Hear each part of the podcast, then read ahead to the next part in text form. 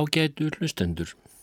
Fyrir viku síðan þá las ég úr biblíunni, Gamla testamentinu, Mósebók nr. 2 sem fjallar um flótta Ísraelsmanna eða gýðinga frá Egiptrandi og eh, ég var einhverjum úr sérilegi að fjalla um Móse og ætla að halda því áfram í þessum þætti.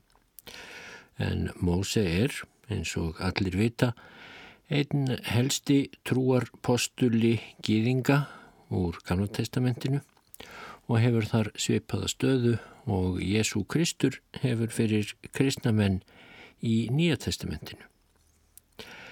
En þar var komið sögunni að Ísraelsmenn voru í lekkjum faraós Egiptalands konungs og hafðir þar til þrelgunarvinnu ímislegar en uh, Móse sem var af gýðingaættum en hafði flúið um fertugt frá landinu eftir að hafa orðið manni að banna og verið eftir það búsettur í Midians landi. Hann var komin aftur að skipan Guðs almáttugs til Egiptalands og hafði verið falið það verkefni á samt Aronni bróður sínum að leiða Ísraelsmenn úr hlekkjum faraós og aftur til fyrirheitnalandsins, Kanaans sem nú heitir Palestína og geymir meðal annars Ísraels ríki. Og þegar Móse var eftir Ímisævintýri komin aftur til Egiptalands eins og ég sagði á þann, þá kynnti Guð honum fyrirætlan sína með þessum orðum. Ég byrtist Abraham, Ísak og Jakobi sem almáttugur Guð, sagði Guð. Ég gerði einni við þá þann sáttmála að gefa þeim Kanaans-land, landið sem þeir dvöldust í sem aðkomumenn. Ég heyrði kvein Ísraels manna þegar Egiptar gerðu þá á þrælum og minnist nú sáttmála míns. Segðu því við Ísraelsmenn, ég er drottin, ég ætla að leiða ykkur úr hvaðavinnunni hjá Egiptum og bjarga ykkur úr þrældómnum. Ég ætla að frelsa ykkur með útréttum armi og þungum refsidómum. Ég ætla að taka ykkur að mér og leiða ykkur til landsins sem ég sór að gefa Abraham, Ísak og Jakobi. Ég ætla að fá ykkur það til eignar Ég er drottin. Nú Mósi fór og sagði Ísraelsmannum frá þessu en þeir hlustuði ekki á hann af því þeir voru kjarklausir og bugaður af þrældómi, segir í annari Mósebók. En þá ávarpaði drottin Mósi og sagði farðu og sagðu fara á Egiptalandskonungi að hann eigi að sleppa Ísraelsmönnum úr landi sínu. En Móse svaraði þá, Ísraelsmenn hlustuði ekki á mig, hvers vegna ætti fara á að hlusta á mig, svo mál styrður sem ég er. En þess má geta, eins og hlustendur muna, að Móse hefur hvað eftir annað orð á því þegar Guð reynir að hvetja hann til dáða til að tala sínu máli, þá hefur hann hvað eftir annað orð á því hvað styrður hann sé til máls. En Þá talaði drottin við Móse og Aron og gaf þeim eigað síður fyrir mæli um að fara til Egiptalands konungs og krefjast þess að Ísraelsmenn yrðu leittir út úr Egiptalandi, hvað sem liði styrðuleika Móse til máls. En allt frá byrjun fer Guðreindar ekkert í félur með það við þá bræður Aron og Móse að hann ætli jáframt sjálfur að herða hjarta faraós eins og hvað eftir hann að er komist að orði í Mósebókinni, svo að fara á hafnikröfu Ísraelsmanna og Guð fái þar að leiðandi tækifæri til að refsa Egiptum eða eins og Guð orðarðað einu sinni sjálfur Ég mun leggja hönd mína á Egiptaland og ég mun leiða hersveitir mínar, þar að segja þjóð mína, Ísraelsmenn, út úr Egiptalandi með þungum refsidómum fyrir Egipta. Og þegar ég rétti hönd mína út yfir Egiptaland og leiði Ísraelsmenn burt frá Egiptum, þá munu þeir komast að raunum að ég er drottin. Nú síðan fóru Móse og Aron til Farás og gerðu það sem drottin hafði bóðið þeim. Báðu Fará fararleifis fyrir Ísraelsku þjóðina til Kanaans lands. En Fará, hann neytaði Ísraelsmönnum um brottfararleifi eins og Guð hafði reyndar sagt sjálfur fyrir um og Aron kastaði þá staf sínum frammi fyrir Fará og þjónum hans og stafur Arons var þá að eiturslöngu til merkisum mátt Guðs. En þá kallaði fara og fyrir sig vitringa og galdramenn og spáprestar Egiptalands gerðu eins með fjölkingi sinni. Hver þeirra kastaði staf sínum og stafirnir urðu allir að eiturslöngum en stafur Arons glifti stafi þeirra. En þrátt verið þessi töfrabröð og þessar sannanir fyrir mætti Guðs Ísraels manna, þá varð hjarta faraós samt hart og hann hlustaði ekki á þá, eins og drottin hafði raunar sagt. Og nú er komið að plágunum tíu, þeim hinnum frægu, sem drottin kallaði yfir Egiptaland.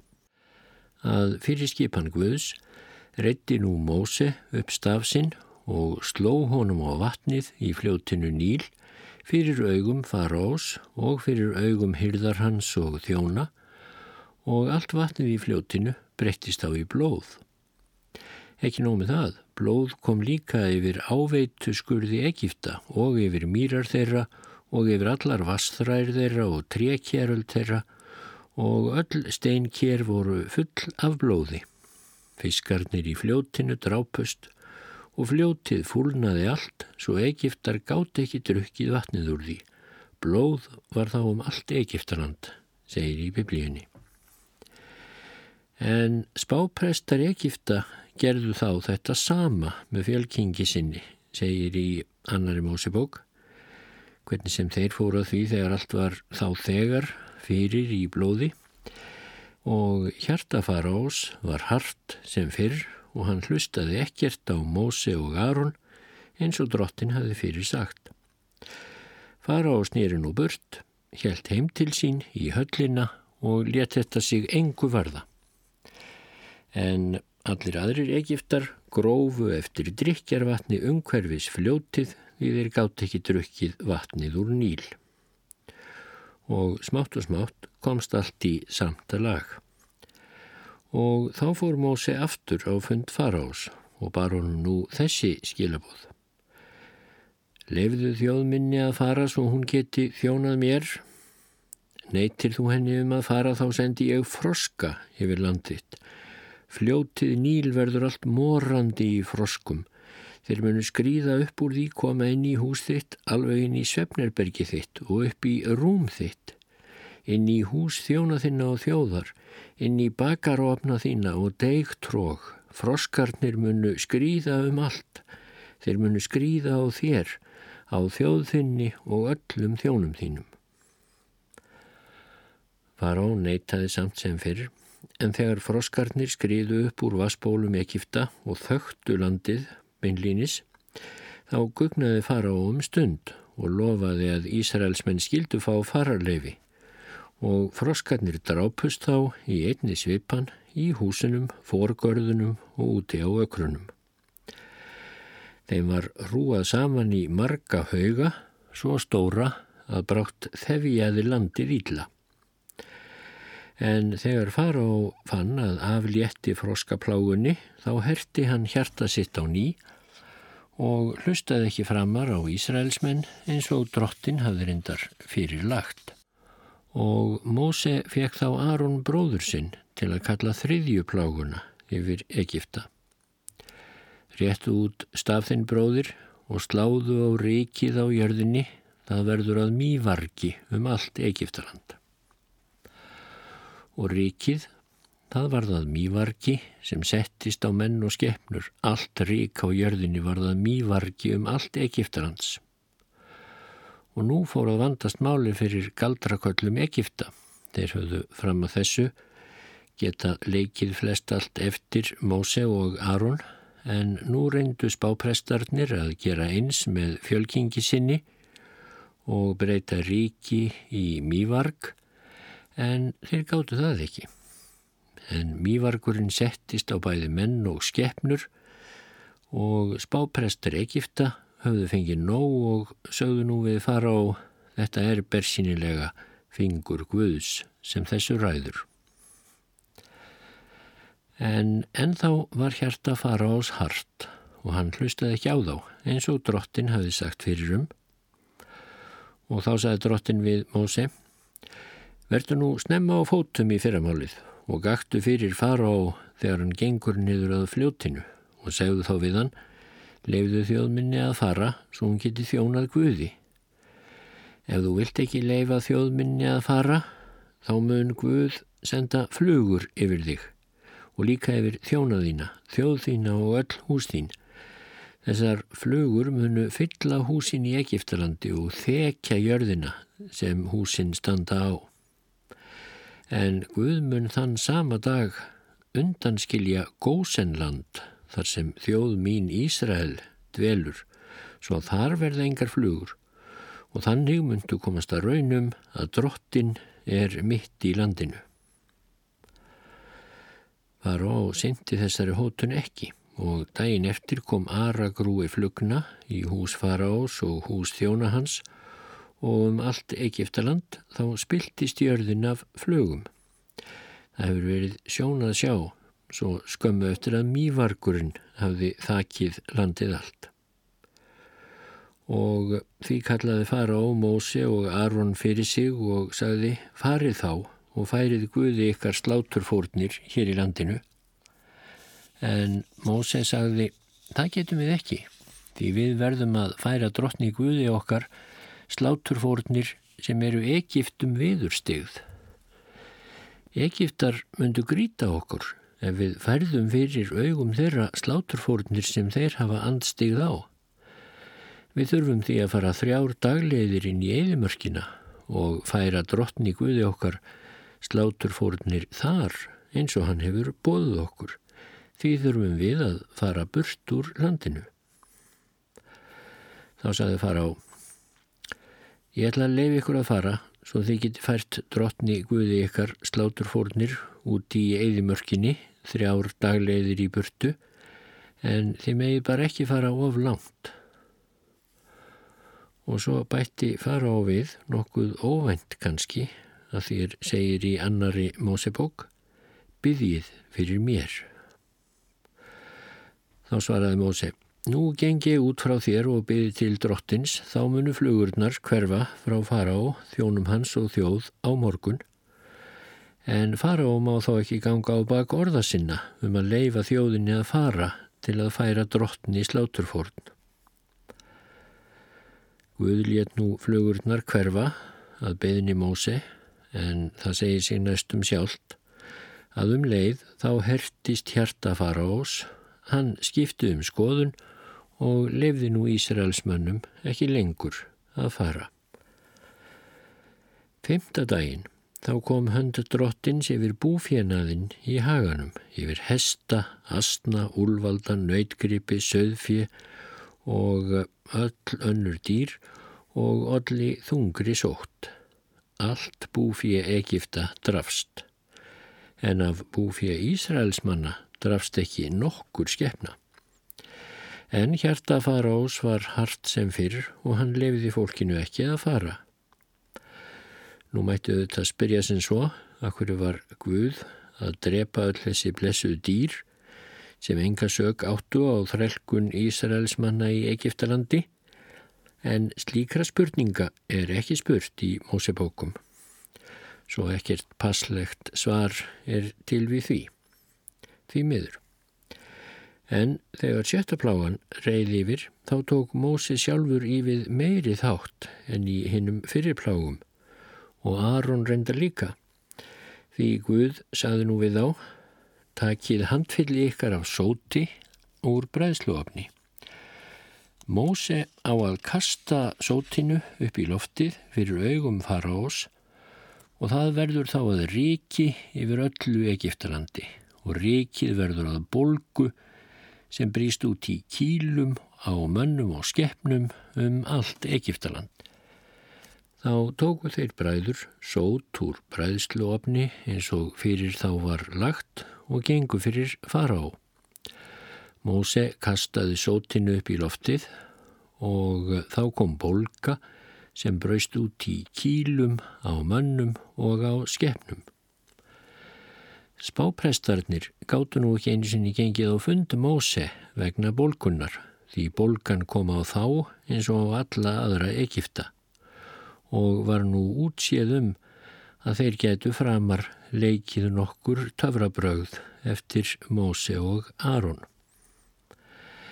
En þrátt fyrir ríkið í loftinu og kílinn á fólkinu en þess má reyndar geta að lýsingunni á þessari plágu svipar óneitanlega svo litið til lýsingar á afleiðingum eldgosa á Íslandi og raunar víðarum heiminn en þrátt fyrir allt þetta þá herti drottin hjarta fara ás einaferðina enn svo hann hlustaði ekki á Aron og Móse eins og drottin hafði raunar sagt við Móse fyrirfram.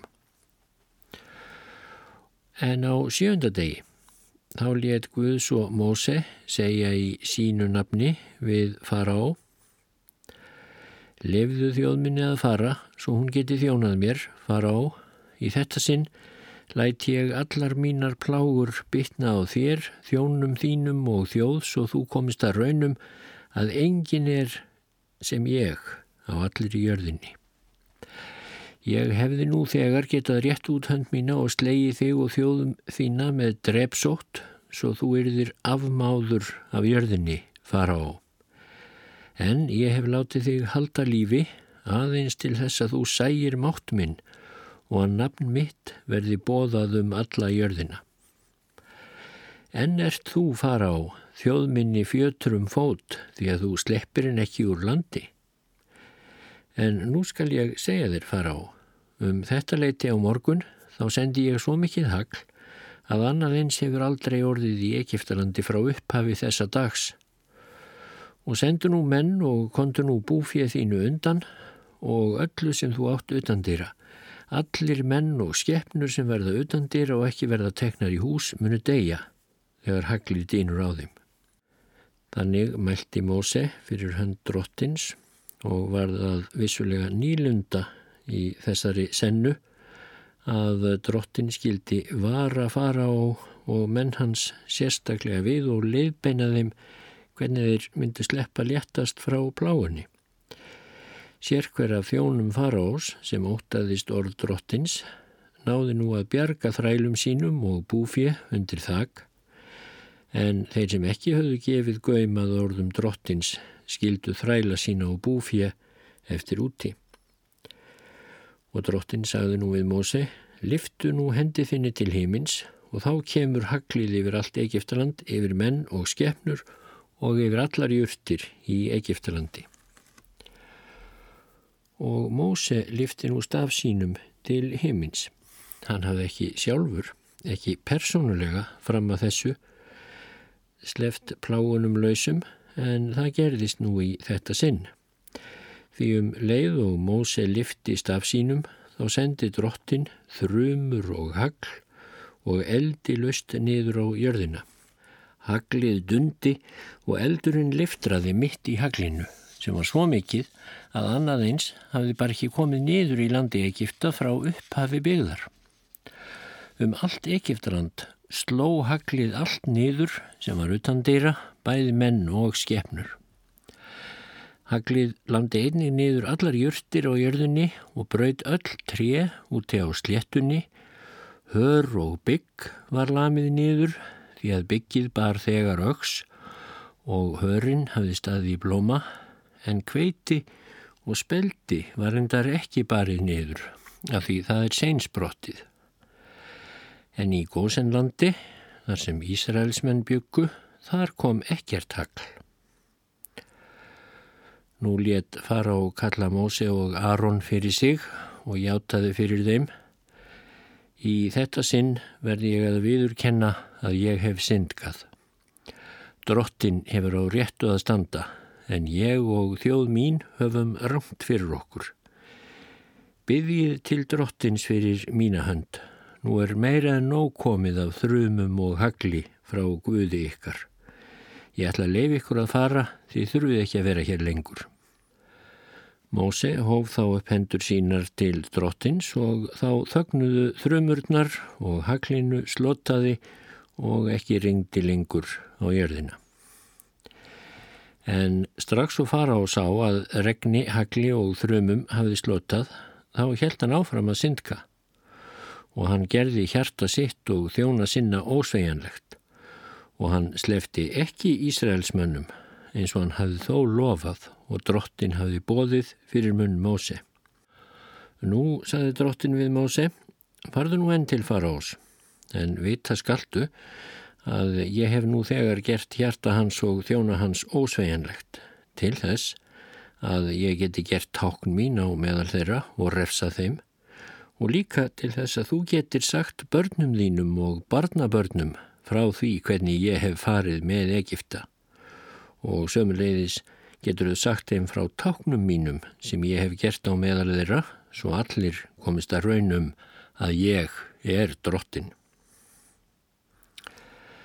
Mósi og Aron fóru þá til Farós og sagðu við hann Ef þú neytar að leifa þjóðminni að fara þá mun Guð senda engisbrettur yfir land þitt á morgun. Engisbretturnar munu þekja landið svo ekki verður einu sinn hægt að sjá jörðina. Þær munu geta leifarnar af því sem bjargaðist og eftir varðhand ykkur eftir haglið og engisbretturnar munu geta upp öll tré sem þið eigið og vaksa á sléttlendinu. Hús þín, hús allra þjóna þinna og allra Egipta munu beinlínis fyllast af engisbrettum. Feður þínir og forfeður munu aldrei hafa séð annað eins frá því þeir settu stað í landinu og til þessa dags. Þá sögðu þjónar fara á sviðan. Hversu lengi á þessi maður að vera okkur til trafala? Lefiðu fólki þessu að fara svo þeir geti þjónað Guði sínum. Hvað var þar okkur um þá? Hefur þau enn ekki skilið að Egiptaland er að leggjast í eyði vegna þess aðna? En enþá var hjarta faraós hart og hann lefði Ísraelsmönnum ekki að fara þrátt fyrir hótannir um engi sprettu faraldur og drottin sagði þá við Móse þegar Móse var komin af fundi faraós Réttu nú út höndína yfir Egiptaland svo engi spretturnar komi yfir landið og geti allar júrtir í landinu og allt sem haglið skildi eftir og Móse réttist af sinn út yfir Egiptaland og drottin sendi þá austanvind yfir landið allan þann dag og allan næstu nótt. Og þegar mornaði þá hafði austanvindurinn borið með sér engisbretturnar. Engisbretturnar dreifðust yfir allt Egiptaland og gífurleg merk þeirra þakti allt land Egipta. Slíkur urmull af engisbrettum hafði aldrei komið áður og mun heldur aldrei koma framar. Þær þögtu allt landið svo jörðin varð svört og þær áttu allar jörtir í landinu og alla ávexti trjána sem haklið hafi skilið eftir. Ekkert grænt varð eftir neinstadar í Egiptalandi á trjám eða jörtum í haganum, nema í Gósenlandi þar sem Ísraelsmenn bjöku. Fará kallaði nú í skyndi þá Móse og Aron fyrir sig og sagði Ég hef syndkað gegn drottni Guði ykkar og ykkur. Fyrirgefi mér synd mína. Aðeins í þetta eina sinn byggðið til drottins Guðs ykkar svo hann tæki burt frá mér allan þennan dauða. Móse gekk út frá Fará og baði til drottins og þá snýri drottin vindinum í mjög kvassan vestanvind sem bar engisbretturnar burt og flegði þeim að endingu í sefhafið. Ekki nokkur engisbretta varð eftir, nynstaðar í Egiptalandi. En viti menn, þegar faró hugðist leifa Ísraelsmönnum að fara, eins og hann hafi lofað, þá herti drottin hjarta hans og þrátt fyrir alla sína svardaga þá lefði fara á Ísraelsmönnum nú ekki að fara. Og drottin, hann saði þá við Móse, liftu nú hendi þinni til himins svo að þreifandi myrkur kom yfir Egiptaland. Móse lifti hendi sinni til himins, þá varð svarta myrkur um allt Egiptaland í þrjá daga.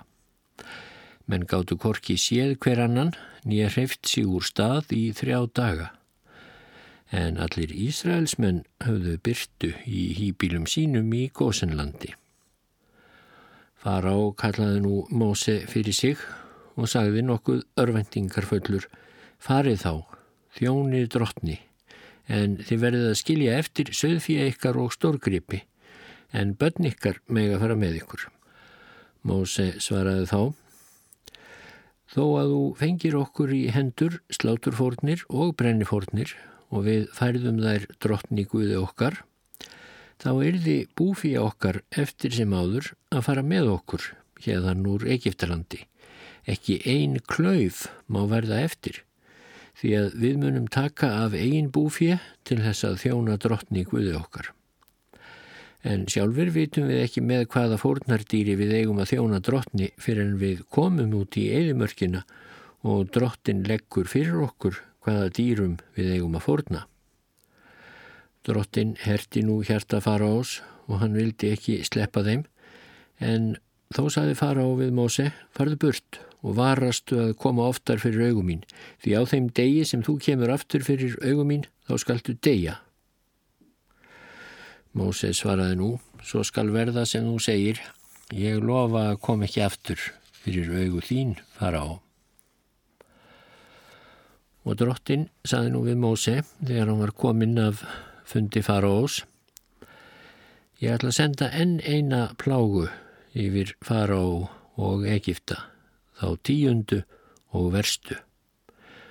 Og eftir þá plágu leifir hann ykkur að fara hérðan og þegar hann veitir ykkur fararlefi þá mun hann jafnvel rek ykkur hérðan svo mikið verður honum í mun að losna við ykkur eftir tíundu pláuna. En brindur nú fyrir fólkinu að karlar og konur byrji kunningja sína egifska um gull og silfurgripi sem þið geti svo haft með ykkur þegar við förum hérðan burt frá Egiptalandi. Drottin hafði látið fólki njóta velvildar svo Ísraels menn fengu gull og góðar gjafir og þessir getið að Móse hafi sjálfur verið mikilsmetin maður í Egiptalandi, bæði af þjónum faraós og almenningi, hvað sem leið eh, deilum hans og faraós sjálfs. Ekki er þess getið hvort það er mætur sem Egiptar höfðu á Móse stöfuðu frá þeim tíma þegar hann bjó áður í landinu, fram til ferdugs eða hvort Egiptar mátu Móses og Mikils núna eftir að hann kom aftur, eftir að hafa verið í 40 ár fjárhyrðir hjá Jettró í Midjanslandi og fór að senda allar þessar plágur yfir Egiptaland. Það er ekki gott að segja, en nú gekk Móse, trátt fyrir allt, enn á fund faraós, þvertun í það sem hann hafi lofað og hann sagði nú fyrir hönd Guðs um miðnætti geng ég sjálfur mitt í gegnum Egiptaland. Ég er Guð og þá mun sér hver frumpurður í Egiptalandi deyja allt frá frumburði faraós sem situr í hásæti sínu til frumburðar ambáttarinnar sem situr við kvörnina á samt öllum frumburðum búfjár. Verður þá slíkt harma kvein um allt Egiptaland að annað eins hefur aldrei heyrst nýja mun heyrast. En ekki mun svo mikið sem hundur gæltað Ísraelsmönnum, hvorki mönnum nýja skeppnum, svo að þeir Egiptar komist að raunum að drottin gerir greinarmun á Egiptum og Ísraelsmönnum.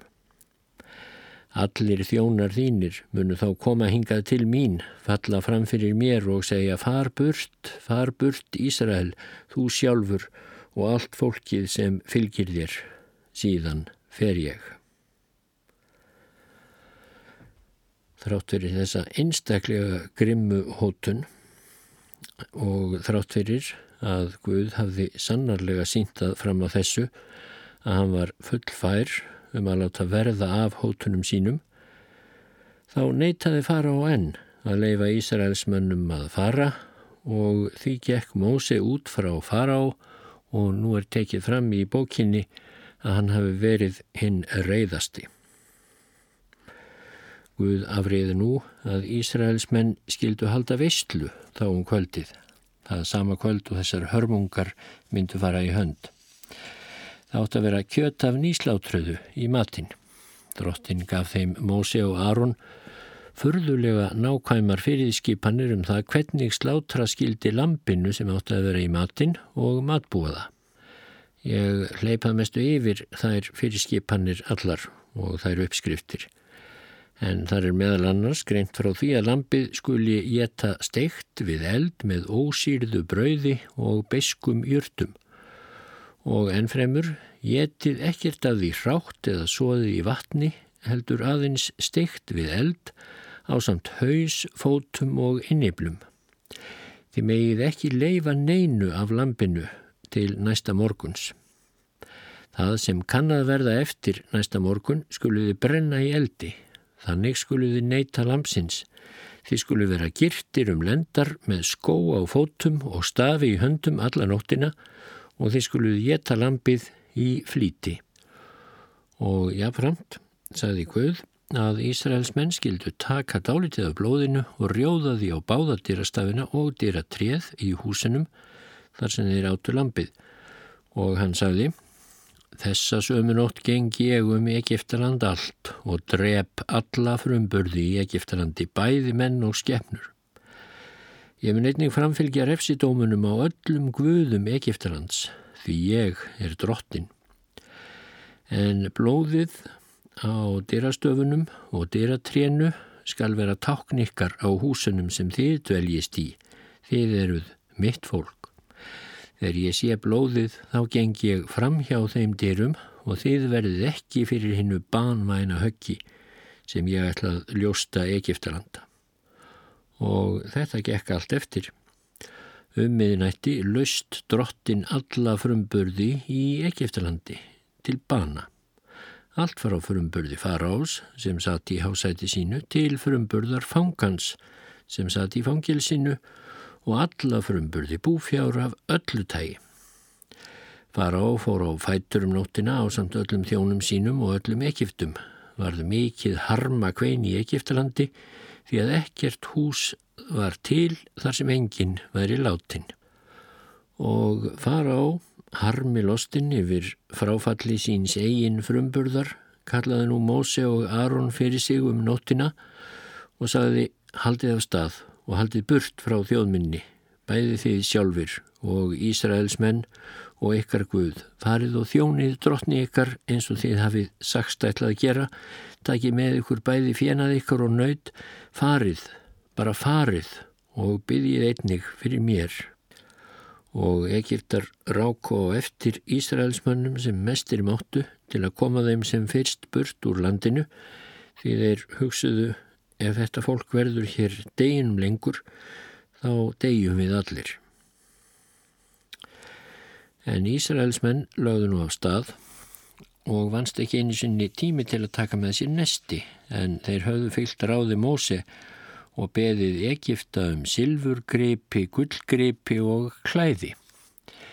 En drottin hafði látið þjóðina njóta velvildar Egipta, eins og ég sagði á þann, Svo Egiptar höfðu orðið við bæn Ísraels þjóðar og þannig rendi Ísraels þjóðin Egipta, segir höfundur annarar Mósebókar nokkuð gladhlakkalega.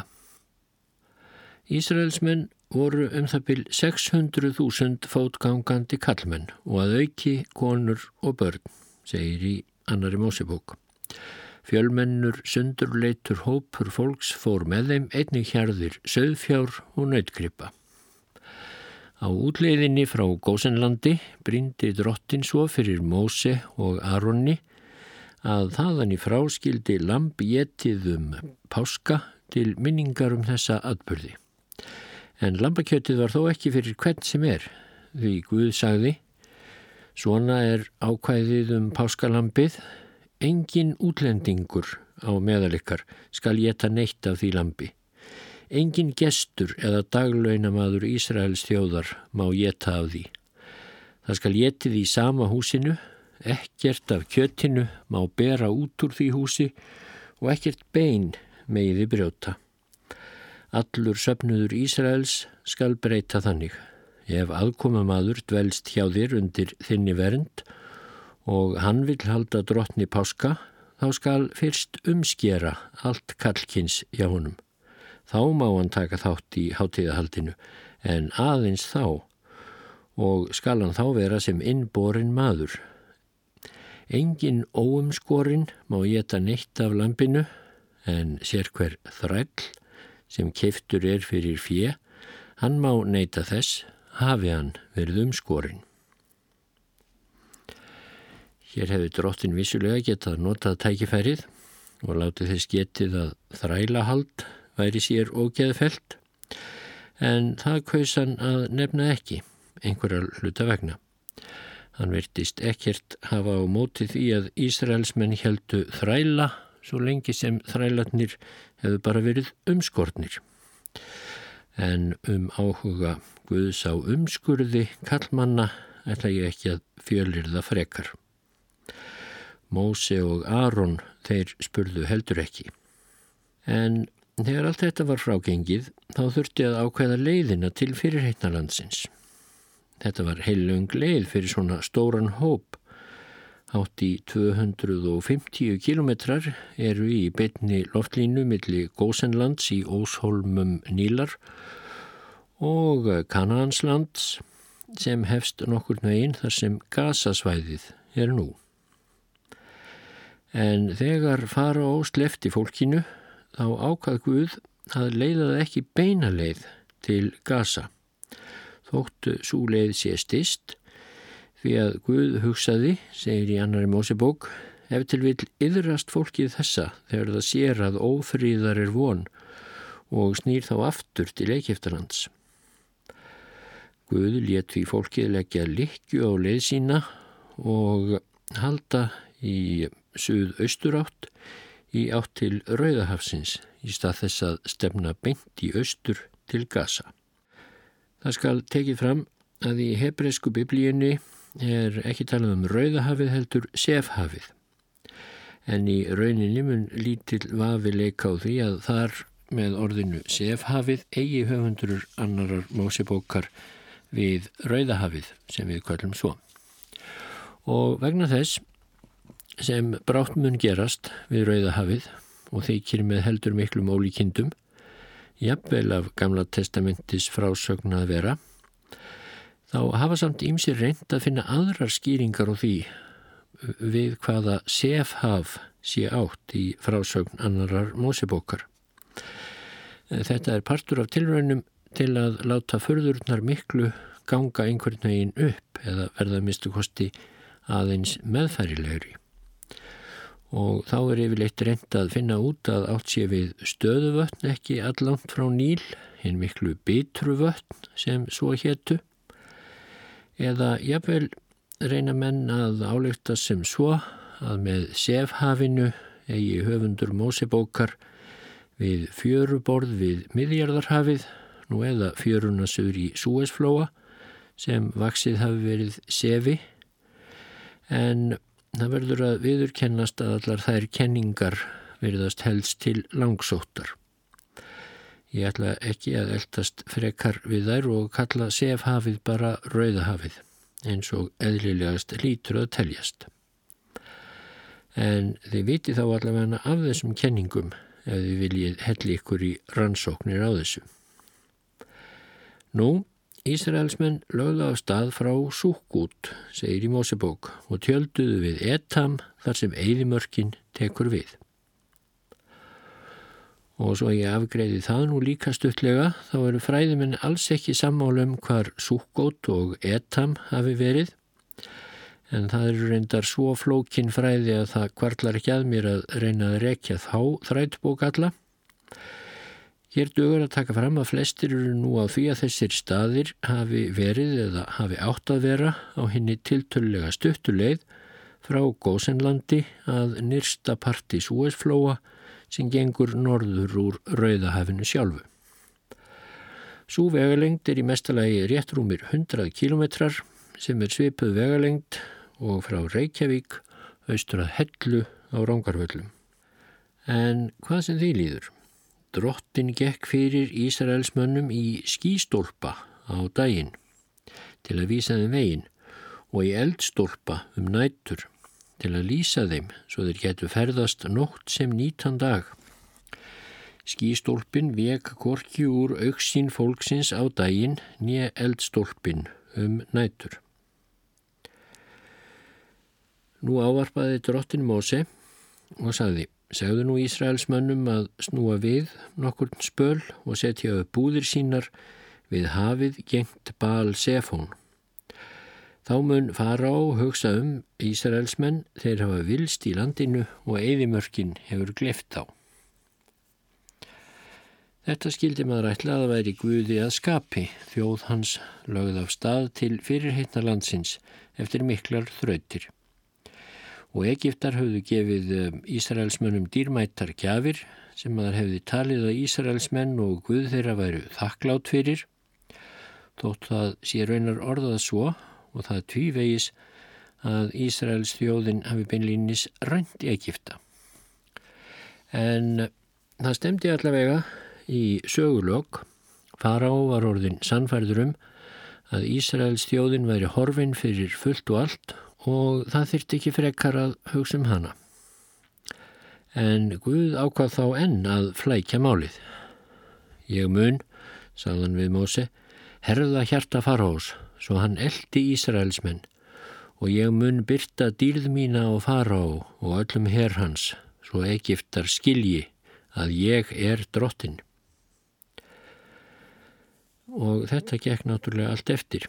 Egiptalands konungi var tilkynnt að Ísraels þjóðin væri flúin en í stað þess að láta gott heita en það hafði hann sjálfur liftinni að fara þá snýrist nú hugur faraós og þjóna hans enn gegn Ísraels mönnum og þeir sögðu hvað höfum við gert? Við höfum sleft Ísrael úr þjónustu okkar. Var ólétt í spenna fyrir hervagna sína og tók her sinn með sér Hann hafið með sér 600 úrvalsvagna og alla herrvagna Egiptalands og hafið fóringja á hverjum. Og brátt náðu allir hestar fara ás, herrvagnar, rittarar hans og herlið Ísraelsmannum, þar sem þeir hafðu sleiðu búðum sínum við hafið. Og þegar Ísraelsmenn komu auga á herr Egipta og sáu að herrmenninir og stríðsvagnarnir sóttu fram á eftir þeim, þá eru þeir mjög hrættir.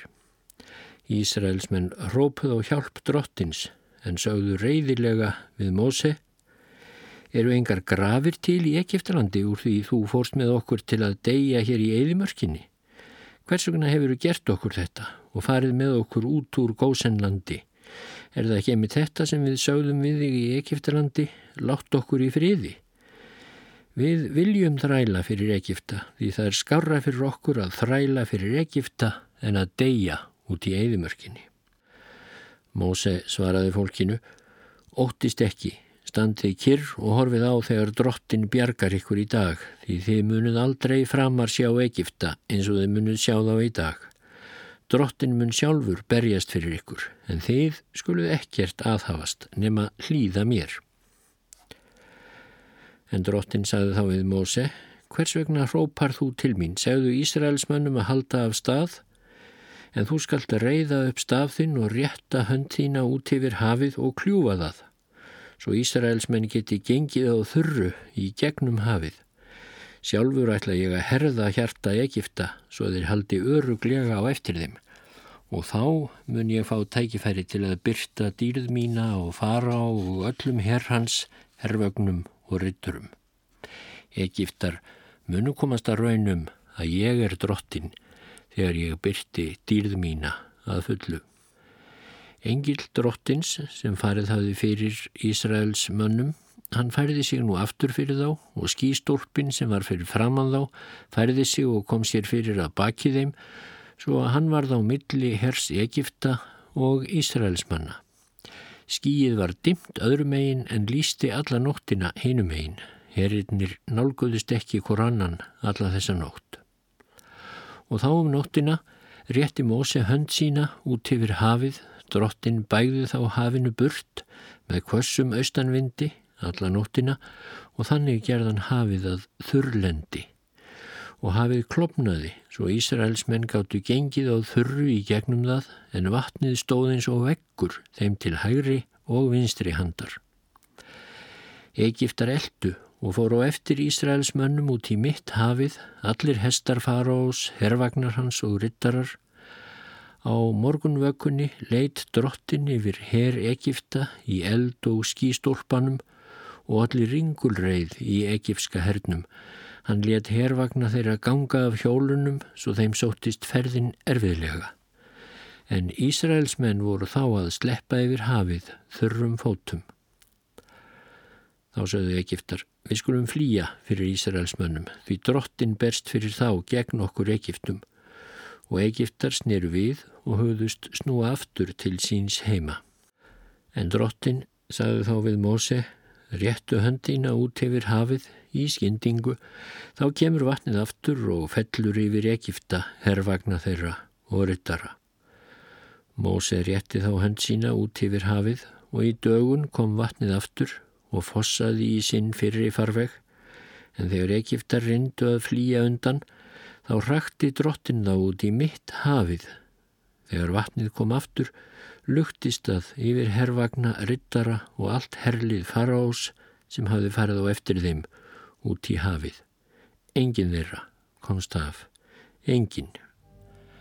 En Ísraelsmenn hafðu gengið á þurru mitt í gegnum hafið og vatnið stóð eins og veggur þeim til hægri og vinstri handar og þannig hafðu þeir komist klakklaust yfir og þannig bjargaði drottin Ísrael úr greipum Egipta á þessum degi þótti Egiptar hafi reyndar verið komnir á flótta þegar vatnið skall yfir þá. Og Ísraels þjóð sá Egipta líkja dauða á ströndinni og þegar Ísrael sá máttarverkið sem drottin hafði unnið, ótaðist þjóðin drottin og trúði á drottin og Móse, Guð hans. Þá sungu Móse og Ísraels menn drottni lofsöng mikinn.